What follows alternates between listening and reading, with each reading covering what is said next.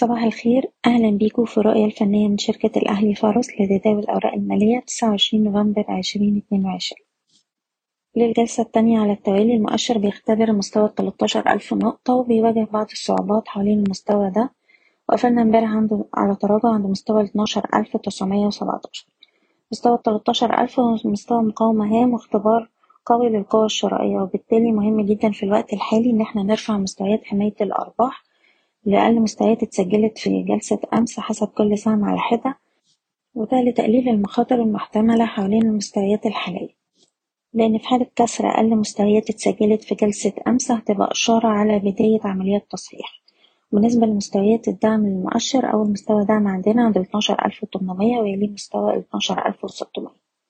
من الناحية التانية لو قدرت القوى الشرائية تتجاوز مستوى التلاتاشر ألف نقطة الطريق هيبقى مفتوح للتلاتاشر ألف ميتين وخمسين ويليه مستوى التلاتاشر ألف وربعمية. بشكركم بتمنالكم التوفيق.